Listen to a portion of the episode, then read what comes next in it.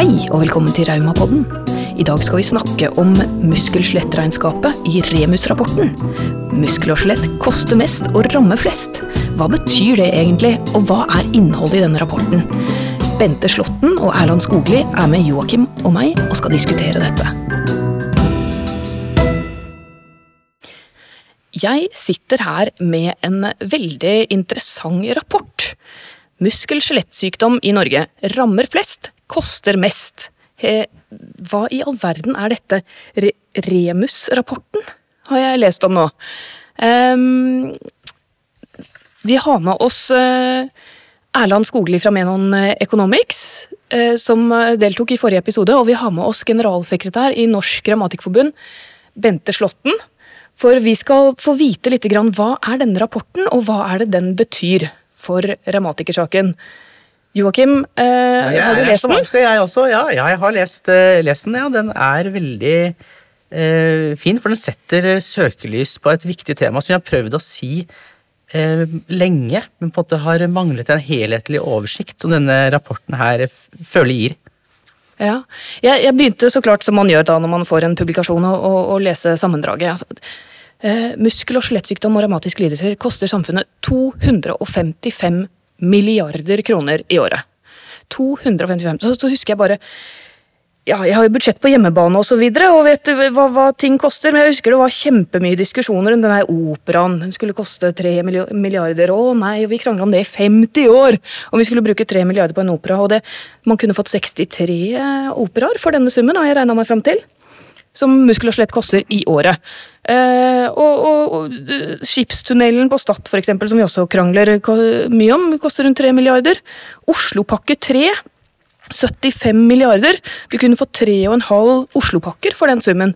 Men muskel- og skjelettsykdom og revmatisk sykdom koster 255 hvordan har dere kommet fram til det tallet, Erland? Dette må du forklare for oss. Ja, ikke sant. Nå har vi jo i en tidligere podkast uh, laget en slags bruksanvisning til helseøkonomi. Og den kommer egentlig godt uh, med nå, fordi noe av dette er jo ikke kostnader som kan sammenlignes med uh, kostnader til å kjøpe seg en opera eller en skipstunnel. Um, noe av disse kostnadene er jo like, altså dvs. Si noe som må betales over statsbudsjettet. Og, og, noen av kostnadene er uh, i realiteten utgifter. Litt uh, rart, men det forklarte vi litt i en annen podkast. Men det er jo sånn at uh, når vi mister inntekter, f.eks. som er følge av at folk ikke kan jobbe mm. altså, Tapt verdiskapning. Ikke sant? Ja. Ikke kan betale skatt osv. Så, videre, så er jo det et tap. Og da er jo også det en kostnad fra et samfunnsperspektiv. Og så i tillegg så er det også da en stor kostnad for oss eh, eh å, være syke i den forstand at vi har et helsetap som vi kan velge å gjøre om til kroner og øre for å kunne sammenligne det med andre, andre problemer vi har i samfunnet. F.eks. Eh, klima- og miljøproblemer, som vi også prøver å tallfeste. Hvor, hvor, hvor stor er byrden for oss knyttet til f.eks. klimautfordringer? Eh, for sånn at man kunne sette ting litt opp mot hverandre. og Derfor blir tallet veldig stort, fordi at eh, det er først og fremst, eller det største tallet er det som eh, setter en prislapp på, på helsetapet, som er veldig stort for, for denne sykdomsgruppen. Det, Bente, du har jobbet i, i eh, helsevesenet på, i eh, forskjellige roller, men også mye politisk. Og jeg tror du har bedre mulighet til å forstå dette tallet enn en mange andre. Hva tenkte du når du fikk dette regnskapet? Nei, det er jo et gigatall, og langt utover eh, hva jeg tror alle har hatt fantasi til å tenke. Og så tenker jeg at det er jo høyst relevant å ta med helsetap og tapte leveår, altså redusert livskvalitet og tapte leveår for den enkelte, fordi at det er jo faktisk den enkelte med muskel-skjelettplager og revmatiske sykdommer som betaler den største regninga eller kostnaden her. Og når vi ser oss på andre grupper som vi kan sammenligne oss med, og som vi tenker at har også store samfunnsøkonomiske kostnader, så kan ta kreftgruppen, da, selv om man kanskje ikke skal sette pasientgrupper opp mot hverandre, og det er ikke det vi gjør, men det må likevel være relevant å se hva liksom er er den totale kostnaden til kreft f.eks. i Norge. Og det er jo det faktisk en 40-50 milliarder mindre enn dette her. Og, og alle tenker vi vel liksom at Kreft, er det mest alvorlige. Gigasvært, ja. ikke sant? Jo, men også er gigasvært og koster samfunnet enorme ressurser. Mm. Um, Så, og fedme er jo veldig i tiden og i vinden og inn i hele livsstilsproblematikken.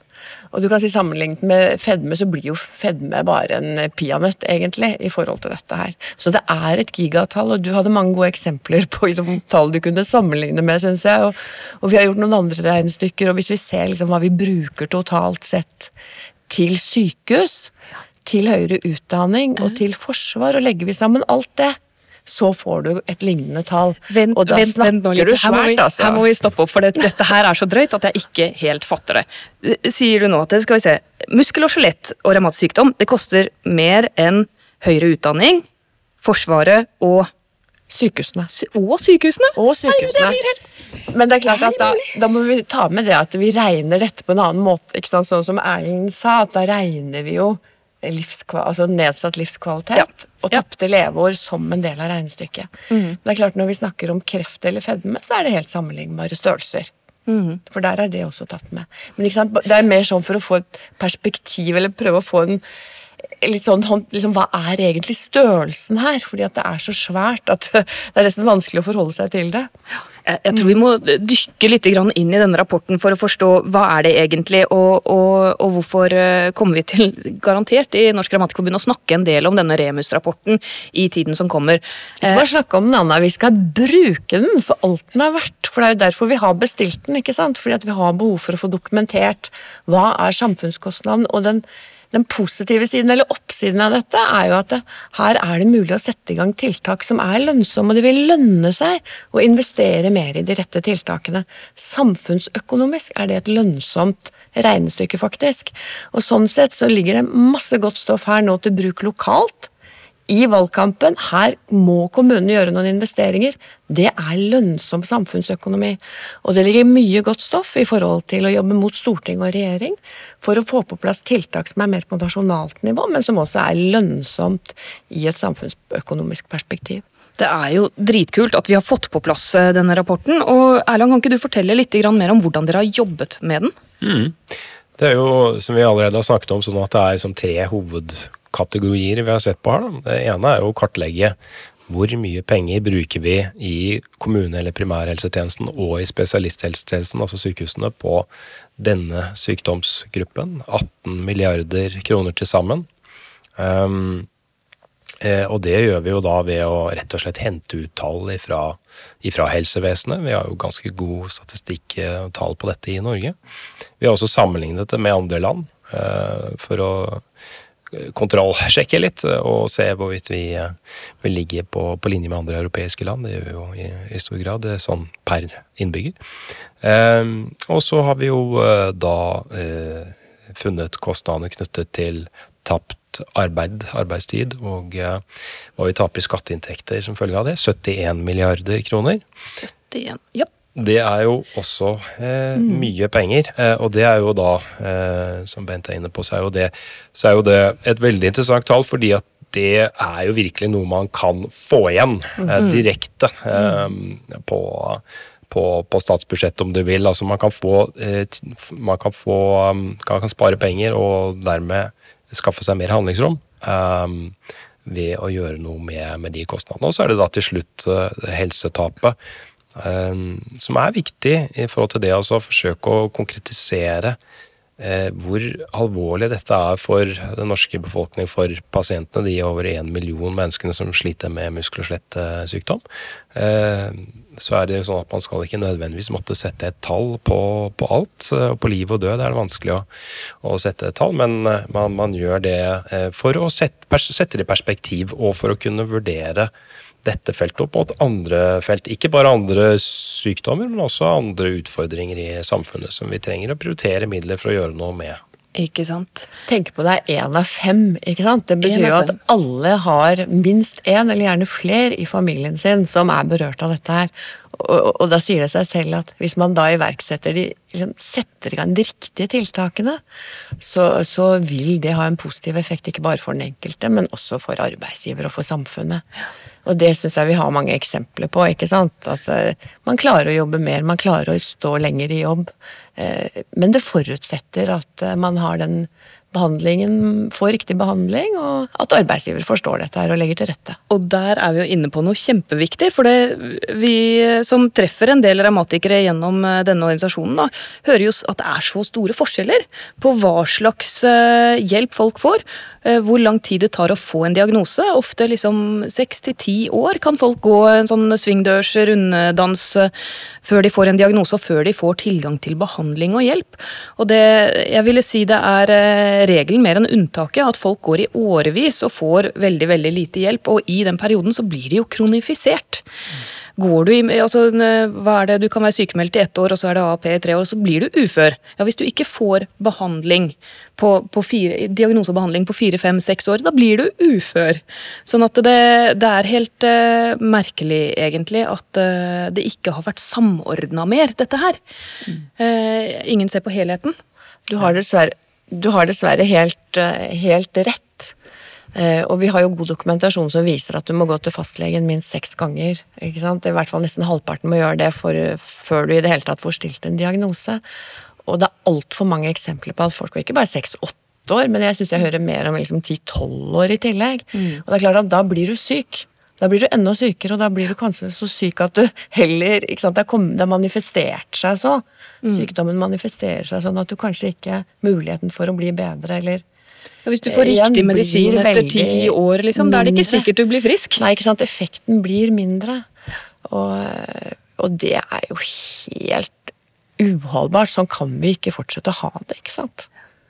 Og det som også skjer, og som det er mange eksempler på, er at du får symptombehandling da, fordi at fastlegene har for dårlig kompetanse. ikke sant? Og så har du mye smerter og vondt, og så gir de deg resepter på sterke smertestillende medisiner, som jo blir å behandle symptomene, og som jo egentlig ikke hjelper noen ting.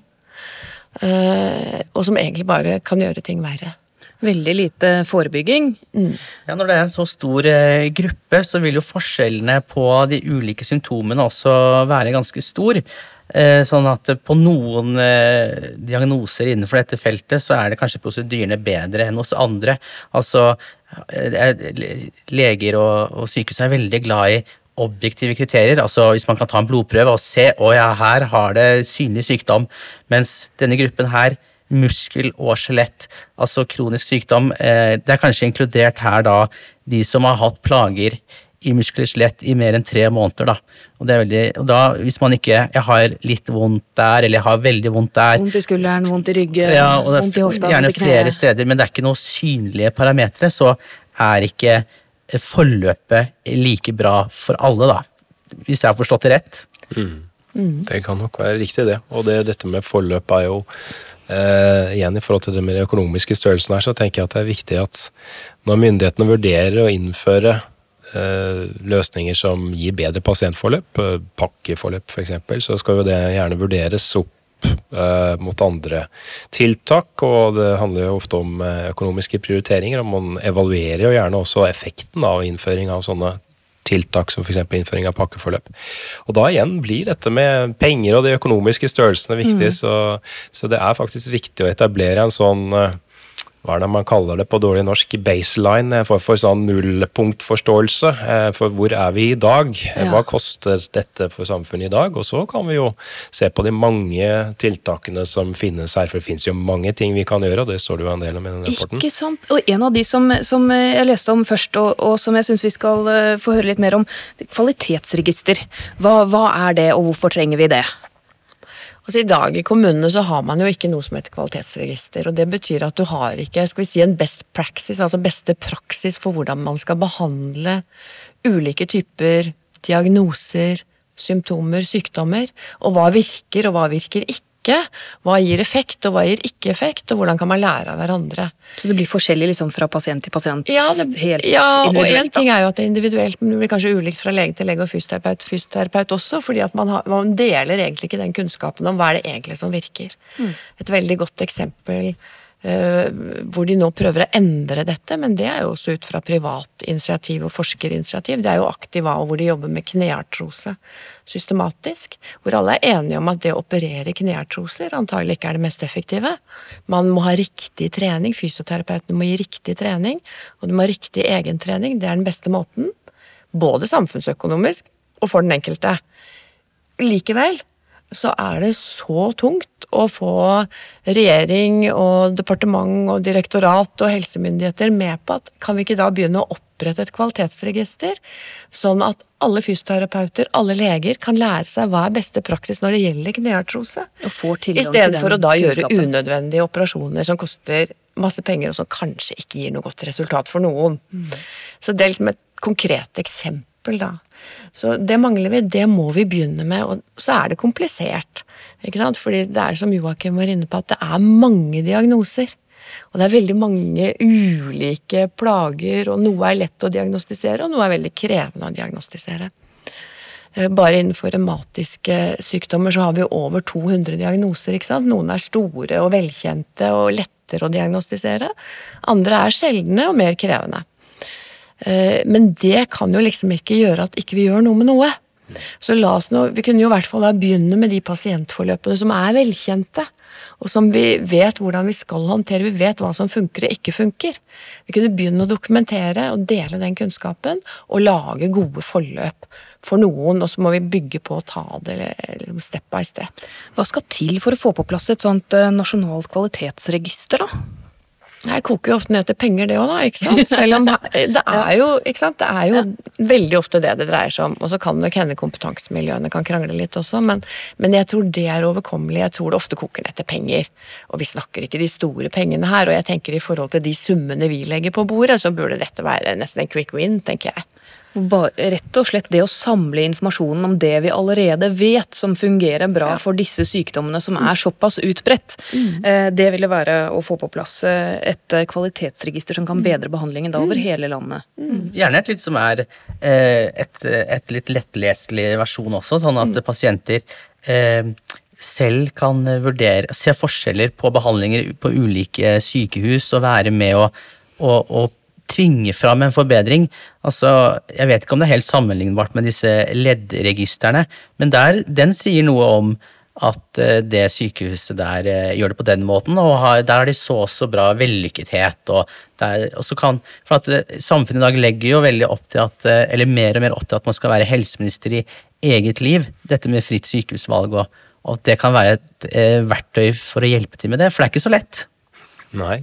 Jeg tenker også det at uh, det er spennende å forsøke å dokumentere ulikhet i behandlingstilbudet. Ehm, det gjelder for, eh, for, alle sykdommer og for alle vi som eh, bor i, i, i, dette landet, for så vidt i andre land òg. Ehm, kan sammenligne med andre land òg. Men jeg ser jo det at på dette området, innenfor muskel- og revmatisk sykdom, så har vi jo dokumentert i denne rapporten, jeg vil si på noen områder, særlig store forskjeller mm. i det tilbudet som gis til befolkningen rundt om i, i landet. Eh, og da er det jo viktig, da, som for andre sektorer, f.eks. skole, hvor vi hører mye debatt om dette her, at eh, man innenfor ja, kanskje de som jobber i sektoren, f.eks. lærere, ikke er så veldig begeistret for dette. At man også tenker her at eh, ja, men det handler jo da om å faktisk starte med å vise at det er noen som gjør noe som gir bedre effekt, og så er det noen som gjør noe som gir mindre god effekt. Kan vi ikke forsøke å bare lære litt av hverandre, da? Uten at det nødvendigvis Det så enkelt ut! ja, men det er nesten for enkelt. Kan vi ja, men veldig riktig likevel, og det går jo på å lære av hverandre både innenfor nivåene, for det går også mellom sykehus og helseforetak, ikke sant, og det går på tvers av kommuner, og det går mellom helseforetak og kommuner. Og det er litt som Erlend er inne på, ikke sant, når vi ser i rapporten at jeg brukte det i en sånn mediasammenheng at bor du nord for Trondheim, så er det jo litt lotto om du i det hele tatt får behandling eller blir sendt videre til vurdering og diagnostisering. For det var en av funnene her. Og Det er jo et tankekors, ikke sant. At bor du inn, inn i omslags, eller innslagsområdet til Helse Nord, så er muligheten for at du blir sendt til utredning liksom tre ganger mindre Hvorfor enn om du bor lenger sør. Sånn? Ja, ikke sant? Eh, og, og da kan du si at hadde vi hatt en standard på. Ja. Ikke sant? Når skal du videre, og hvordan går du videre i systemet, så vil ikke det skje. F.eks. via pakkeforløp eller pasientforløp, ja. da, som ja. det kalles. For det er vel et annet tiltak mm. som ja. kommer fram i denne rapporten. Mm. Og som også mange sier, som for så vidt ikke står i rapporten, men som jeg har hørt en del steder, er jo så Hvis du da er så heldig, da, når fastlegen har forstått at du kanskje må henvises videre inn i spesialisthelsetjenesten for diagnostisering, så er spørsmålet hvor henviser du hen? Mm. Henviser du til riktig sted? Henviser du til revmatolog? Kanskje er det Nemlig. riktig, kanskje er det ikke, men hva skjer hvis det er feil? Jo, da skal du tilbake hos til fastlegen, og skal du vente og vente der, og så skal du henvises et nytt sted, kanskje til en fysikalsk medisiner, og så må du vente på å komme dit. Ikke sant? Det er ikke noe sammenheng. Blir det den kronifiseringen igjen, da, mens du går i svingdøra? Nettopp rundt og rundt og venter og venter og venter. I stedet for at det i et pasientforløp så må det være forutsigbart. ikke sant? Hva er neste skritt hele veien? Og at det var en systematikk og en automatikk i det. Og det kan altså ikke være så ekstremt vanskelig å få til. Jeg tenker, Dette dreier seg veldig mye om logis logistikk og tidsfrister. Og det får man jo til de fleste andre steder enn kanskje i helse, da.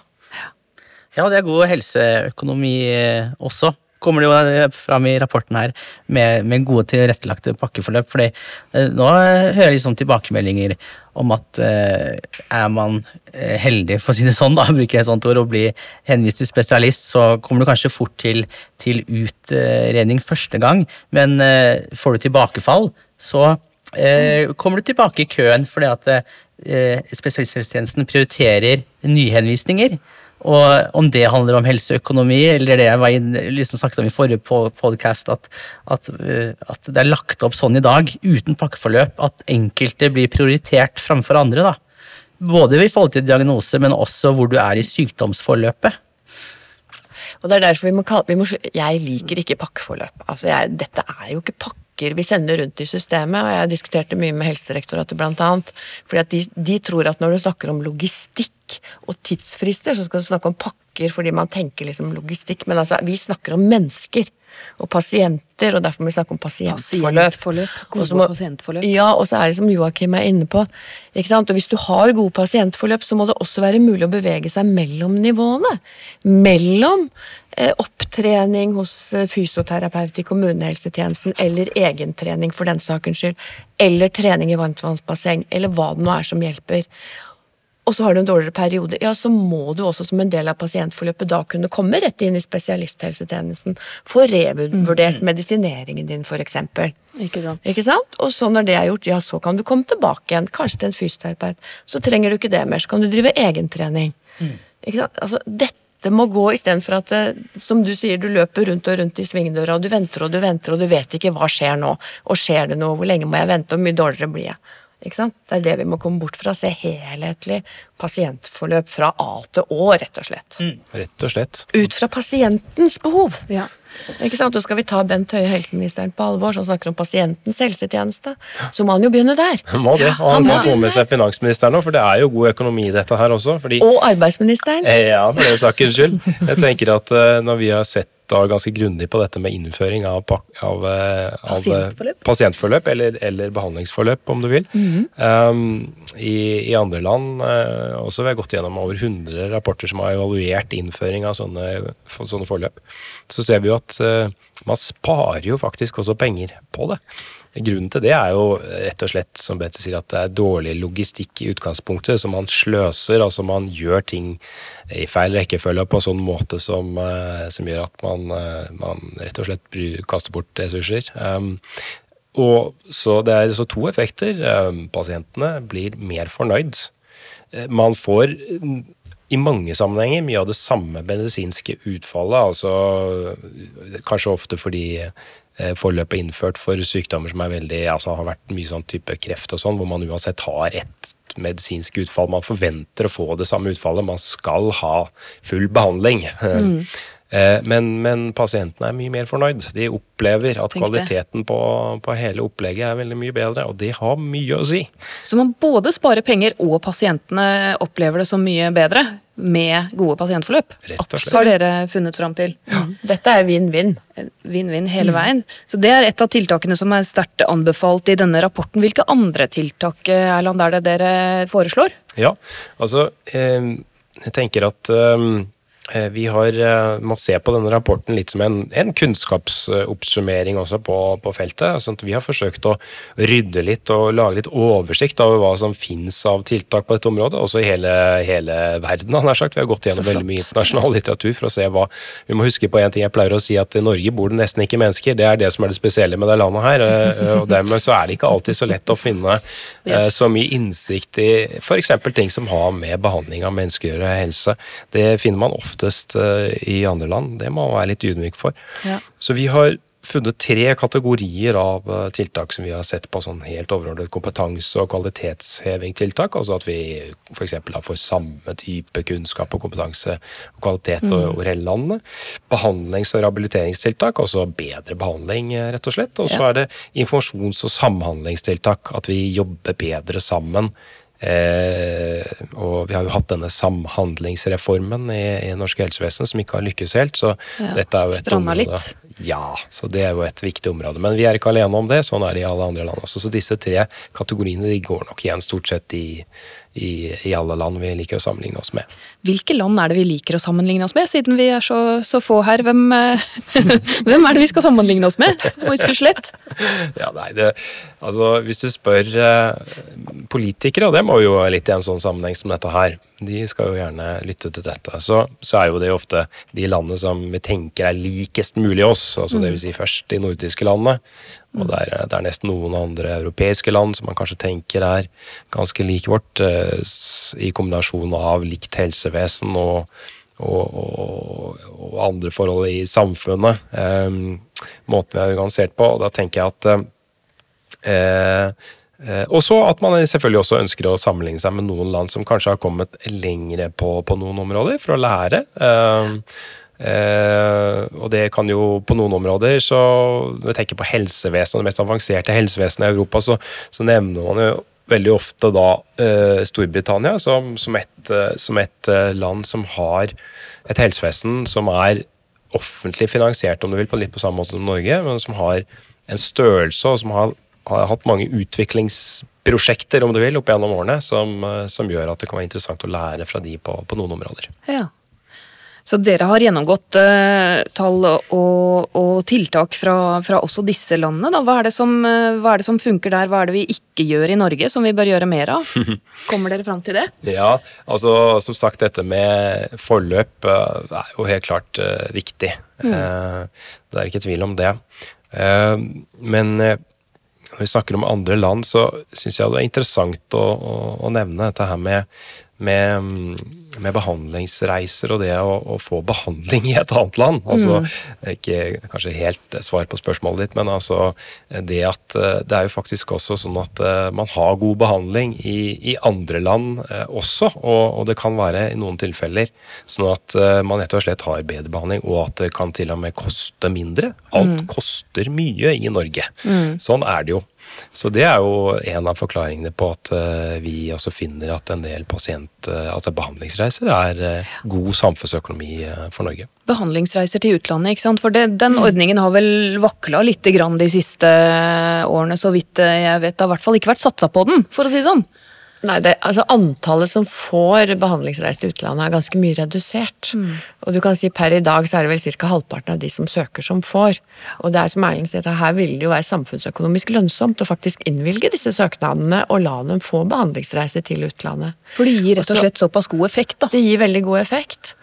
Og så er det jo, hvis vi da i tillegg hadde vært flinke til å følge opp når de kommer hjem For da er det jo ganske bra når du kommer tilbake. Og hvis du da kom inn i et løp hvor du ble fulgt opp, og fikk riktig behandling, kanskje hos fysioterapeut, kanskje et program for eget Dette vil variere, men da vil du få effekten av det vil jo vare mye lenger. Og det vil komme både arbeidsgiver og den eh, personen og, og samfunnet til gode. Så jeg har bare lyst til å si det om behandlingsreiser, at det, det er nok sikkert også noen mørketall her, for det syns jeg i hvert fall jeg hører at eh, ja, jeg gidder ikke å søke, for jeg får jo bare avslag likevel. Ikke sant. Så da, selv om vi sier at det ble doblet um, i forhold til det som er i dag, kanskje til 3200-3500 Det er ikke svære tall vi snakker om, det er små tall, ikke sant? Så vil jeg jo tro at hvis vi får til det, så må det være skritt én. Altså neste skritt måtte nok være kanskje å få opp antallet som drar på behandlingsreiser For det er ganske utlandet. lite det nåløyet å, å, å komme gjennom er og få veldig lite. mulighet til å dra på en sånn behandlingsreise. Ja, og har du fått avslag gang etter gang, så orker du på en måte ikke å søke mer, ikke sant? Så, så, så det er nok noen mørketall her. Men de som reiser, eh, man kan også måle at de, de kommer tilbake og er friskere, og f.eks. at de kan stå mer i jobb. Er det sånn man ser de tallene? Ja, ehm, det kan måles på mange måter, dette her, men altså det er jo eh, Det interessante er som sagt vi, det man gjerne gjør og igjen, faller, kommer tilbake til dette med hvorfor skal vi regne alt i kroner og øre. Hvis man sammenligner det tiltaket med andre tiltak, Uh, uh, og da måler man da gjerne i vunne kvalitetsjusterte leveår, altså helseeffekten eller redusert helsetap, så, så, så er det en, en, en, en lønnsom, et lønnsomt tiltak sett i forhold til andre tiltak som kan være mer kostbare og gi mindre effekt. Og Det er jo det som er interessant i denne sammenhengen her. å se. Så, så kan det være mange ulike prioriteringer, mange ulike, ulike, grunner til at man velger det ene tiltaket fremfor det, for det andre. men Eh, når vi ser på effekt og ser hva det koster, så er det faktisk eh, en ganske god løsning. Så, men det er klart det er de store som strukturelle som vi kaller det, liksom tiltakene her, som er, eh, som er viktige. altså Muskel- og skjelett revmatisk sykdom er så stort at det handler om hele helsevesenet ja. i Norge, og måten vi organiserer samhandlingen mellom kommunehelsetjenesten og sykehusene, og hvordan ja, særlig vi organiserer dette med kommunehelsetjenesten, forholdet mellom fastlege og de andre delene av kommunehelsetjenesten. Um, så Derfor så er vi del av en, tenker jeg, en stor helsepolitisk eh, debatt med, med, med disse problemstillingene innenfor muskel og skjelett. Ikke sant, og det kunne jo ikke passa bedre for det er kommunehelse og kommunevalg. Hva, eh, disse ja. funnene her Altså jeg skulle til å si litt sånn i oppfølgingen av det Erlend sier, at eh, liksom når, når, det er stort og komplekst, så er det jo godt at det er mulig å kutte opp elefanten litt i biter, og se hva kan vi gjøre med de enkelte bitene.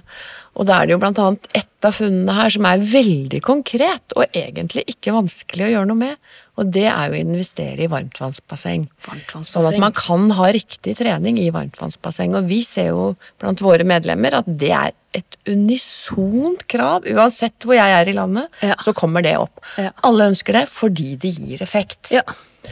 Og jeg tenker, det er lavterskel for den enkelte. Det er skikkelig lavterskel. Og jeg tenker når, når, det dokumenteres i rapporten her at du trenger 22 jevnlige brukere for at det skal være en lønnsom investering, det er jo ingenting. Det er ikke en kommune i Norge som ikke ville få 22 jevnlige brukere i det varmtvannsbassenget. Mm. Og enten det er revmatikere eller andre med muskel-skjelettplager, eller, mm. eller, små barn, for den sakens skyld, i forhold til mm. babysvømming og, og den type.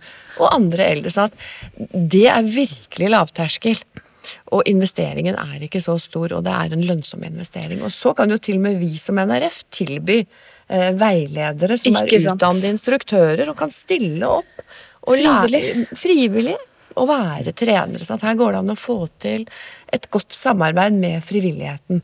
En veldig god synergi. Ja, Så her kan vi være til og med på tilbudssida, tenker jeg. For det har vi. Ja, Vi trenger flere, flere basseng. altså Vi opplever jo det motsatte nå. At, eh, at eh, bassenger har blitt eh, lagt ned som en del av overgangen at man skal ha behandling i spesialisthelsetjenesten mm, til kommunen, og så, og så, har kommunen lagt det ned. Men også, det er jo så stor gruppe, én million, ikke sant. Og så sier man hvor mange er som får plass på behandlingsreiser i dag. Det er eh, litt over 1000. Ja, Borti 2000. Ja, så vi må jo øke den andelen, eh, men, men i hvert fall få flere varmtvannsbasseng. Det var, koster å drifte arrester meg hvis jeg tar feil, 2,7 millioner i året, og så er det da, som du sa, 22 stykker som bruker det jevnlig for å tjene inn den summen mm. per basseng. Ja, ikke sant? Så det er så smått at det er nesten latterlig at ja. vi ikke har det. At det er et problem. Men da sitter de der med driftsbudsjettene sine da, i, i en kommune og sier nei, nå må vi spare, og her er det 2,7 ja. millioner vi kan spare. Vi mm. bare slasher det. Og den kostnaden av at uh, vi revmatikere og folk med muskel- og ikke får tilgang til varmtvannsbasseng, som kanskje kan være den eneste måten de kan trene, da, mm. spesielt i løpet av vinteren, mm. kan holde seg aktive, kan holde sirkulasjonen i gang, mm. som vi vet nå er så godt dokumentert at det er det som fungerer best. Mm. Eh, både forebyggende og behandlende. Mm. Men da forsvinner den muligheten, og så blir de vel eh, Noen får effekt med en gang, de slutter å trene i varmtvannsbasseng og blir mye dårligere, men for de aller fleste så vil det komme gradvis. Mm. Så den regningen, da, mm. Eh, den kommer jo først om mange, mange år, når et basseng blir lagt ned. Men jeg er glad for at vi har disse tallene. Var det 22? 22 jevnlige brukere, og det er ikke veldig mye. Det kan man ta med til kommunen sin. Det, det kan alle kommuner, uansett størrelse, få til. Så, og, og når liksom én av fem har disse problemene og utfordringene og plagene, og hvis du da i tillegg tar med andre eldre og, og små barn og babysvømming og sånn, så er det veldig mange flere enn 22 som har glede av varmtvannsbasseng. Mm. Så det er også et tiltak som det, Hvis jeg bare kan ta en kommentar til Anna, fordi det er litt som Joakim er inne på her, ikke sant, og, og sammen, altså den sviktende samhandlingsreformen. For at samhandlingsreformen på det feltet her er jo egentlig en fiasko. Ja. Um, og det er jo som Joakim sier, at det som skjer, er jo at de som fikk behandling i spesialisthelsetjenesten, de hadde eh, gode fysioterapeuter, gode revmatologer, eh, varmtvannsbasseng osv. Og, og så legges det ned i spesialisthelsetjenesten. Mm. Senger reduseres, og det tror jeg for så vidt er riktig, fordi at de færreste trenger seng. Det er bare korte perioder i tilfelle. Mm. Så god poliklinikk kan være en bra alternativ. Men så forutsetter jo det de som da gikk til behandling der, nå skal behandles i kommunen. Ja, i det var jo forutsetningen hele veien. Det er forutsetningen, og kommunen har fått ansvaret for rehabilitering. Og så har de for få fysioterapeuter, så det funker ikke. Mm. Så har de frisklivssentraler hvor dette ikke er inkludert. Får ikke noe penger til de. Og så bygger de helsehus, hvor egentlig for veldig mange så tenker de ikke helhetlig. De tenker at her må vi ha et mellomledd mellom når, når du skrives ut fra sykehus, og det er jo særlig eldre med flere sammensatte diagnoser dette gjelder, som har lang liggetid i sykehus, mm. så kommer du ut til et helsehus før du da skal i et sykehjem. Og så tenker de ikke helhetlig. ikke sant? De må tenke rehabilitering, de må tenke forebygging, de må tenke egentrening, de må tenke varmtvannsplasser. Altså alt dette må samles når kommunen skal liksom rigge sin helsetjeneste. Og ikke minst også kompetanse og samarbeid med spesialisthelsetjenesten, og få overført kompetanse. Er ikke det litt vår jobb, da, som, eh, som uh, brukerorganisasjon for denne pasientgruppen? Å se det store bildet og forklare både for politikerne og, uh, og pasientene ute i det ganske land, og for helsetjenesten ikke minst, at hei, her er, det, her er det sammenhenger dere må se. Og nå kan dere faktisk få lov å gå inn og lese denne rapporten og, og få masse gode Masse god kunnskap som dere har samlet fra hele verden, og, og helt konkret konkrete tiltak som er godt, uh, godt dokumentert og begrunnet for å kunne mm. rett og slett lage bedre helsetjenester, og det er samfunnsøkonomisk lønnsomt. lønnsomt. Det lønner seg. Ikke sant? Nå har vi grunnlaget, og dette skal vi bruke for alt det er verdt. Og det eh, må brukes på alle nivå i organisasjonen. Lokalt, i fylkene og ikke minst også sentralt. Og nå skal vi ut og slåss, og vi skal ikke gi oss. Vi skal ikke gi oss! Dere som, som blir sånn nysgjerrige når, eh, når, vi snakker om rapporten, dere kan gå inn på eh, nettsiden til Revmatikerforbundet, revmatiker.no, eh, bindestrek remus eller slash remus, så ligger den der, og vi har den på nyhetssiden og alt sånn. Kan du lese litt avisartikler, og det er noen kjempefine filmer som har blitt laget også, som forklarer dette her veldig kort, også nøkkelpunktene. Så kan du laste ned rapporten og, og, og grave deg ned i det, men også i selve valgkamp, i verktøykassa for valgkampen, så ligger det masse nyttige tips om om, om hvordan eh, dere kan bruke disse argumentene og denne, denne, gode rapporten, disse tallene, for å slåss for bedre tjenester der hvor du bor, i deres kommune. Og det mm, Der ligger det til og med ferdig skrevne debattinnlegg og kronikker, Anna. Som ikke sant? Eh, du kan bare tilpasse litt lokalt, og det skal ikke mye til. Maler Så er det bare å kjøre på. Måten du finner det på, revmatiker.no, for tillitsvalgte, verktøykasser, valg 2019. Mm. Der ligger alt du trenger for å påvirke i kommunen. Kan jeg nevne et av mine favorittiltak eh, her, som er veldig enkelt eh, for eh, oh, yes. dere lytterne der hjemme å ta neste gang dere kommer til legen. Det er å si at jeg ønsker å bli behandlet etter treat to target. Og da, mm. ok, men det betyr at uh, hva er målet for behandlingen? Hvordan skal vi klare å gjennomføre det målet? Og så sjekke underveis. Mm. Det er et konkret tiltak dere kan ta på neste legekonsultasjon. Så får vi se om, eh, om, om behandleren forstår hva dere treat mener. To target. Og hvis ja. de ikke vet hva det er, da trenger de et eh, kompetanse. Da må de google litt. Grann. Men uh, Bente, hvis du fikk møte helseministeren, du møter jo han uh, rett som det er sikkert, og, og nå med, med, denne fine rapporten, uh, hva, hva, skal du si til han hvis du skal liksom pitche dette nå? For det første så skal han få tallene. Ikke sant? 255 milliarder.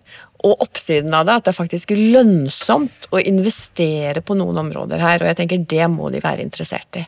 Og det dreier seg om varmtvannsbasseng, det dreier seg om flere behandlingsreiser til utlandet. Det dreier seg om helhetlige pasientforløp på viktige områder. Og det dreier seg om kvalitetsregistre og antall fysioterapihjemler i kommunene. Og så vil jeg at Helsedepartementet, direktoratet, skal stille krav til kommunene i forhold til innholdet i frisklivssentraler og helsehus. Så at vi sørger for at disse gruppene også blir ivaretatt og får et tilbud der. Muskel og skjelett koster mest og rammer flest. I dag har du hørt Anna Frykselius og Joakim Sagen diskutere dette i Raumapodden. Med oss har vi hatt Erland Skogli og generalsekretær Bente Slåtten. Og det er Podmaster som har fiksa lyden.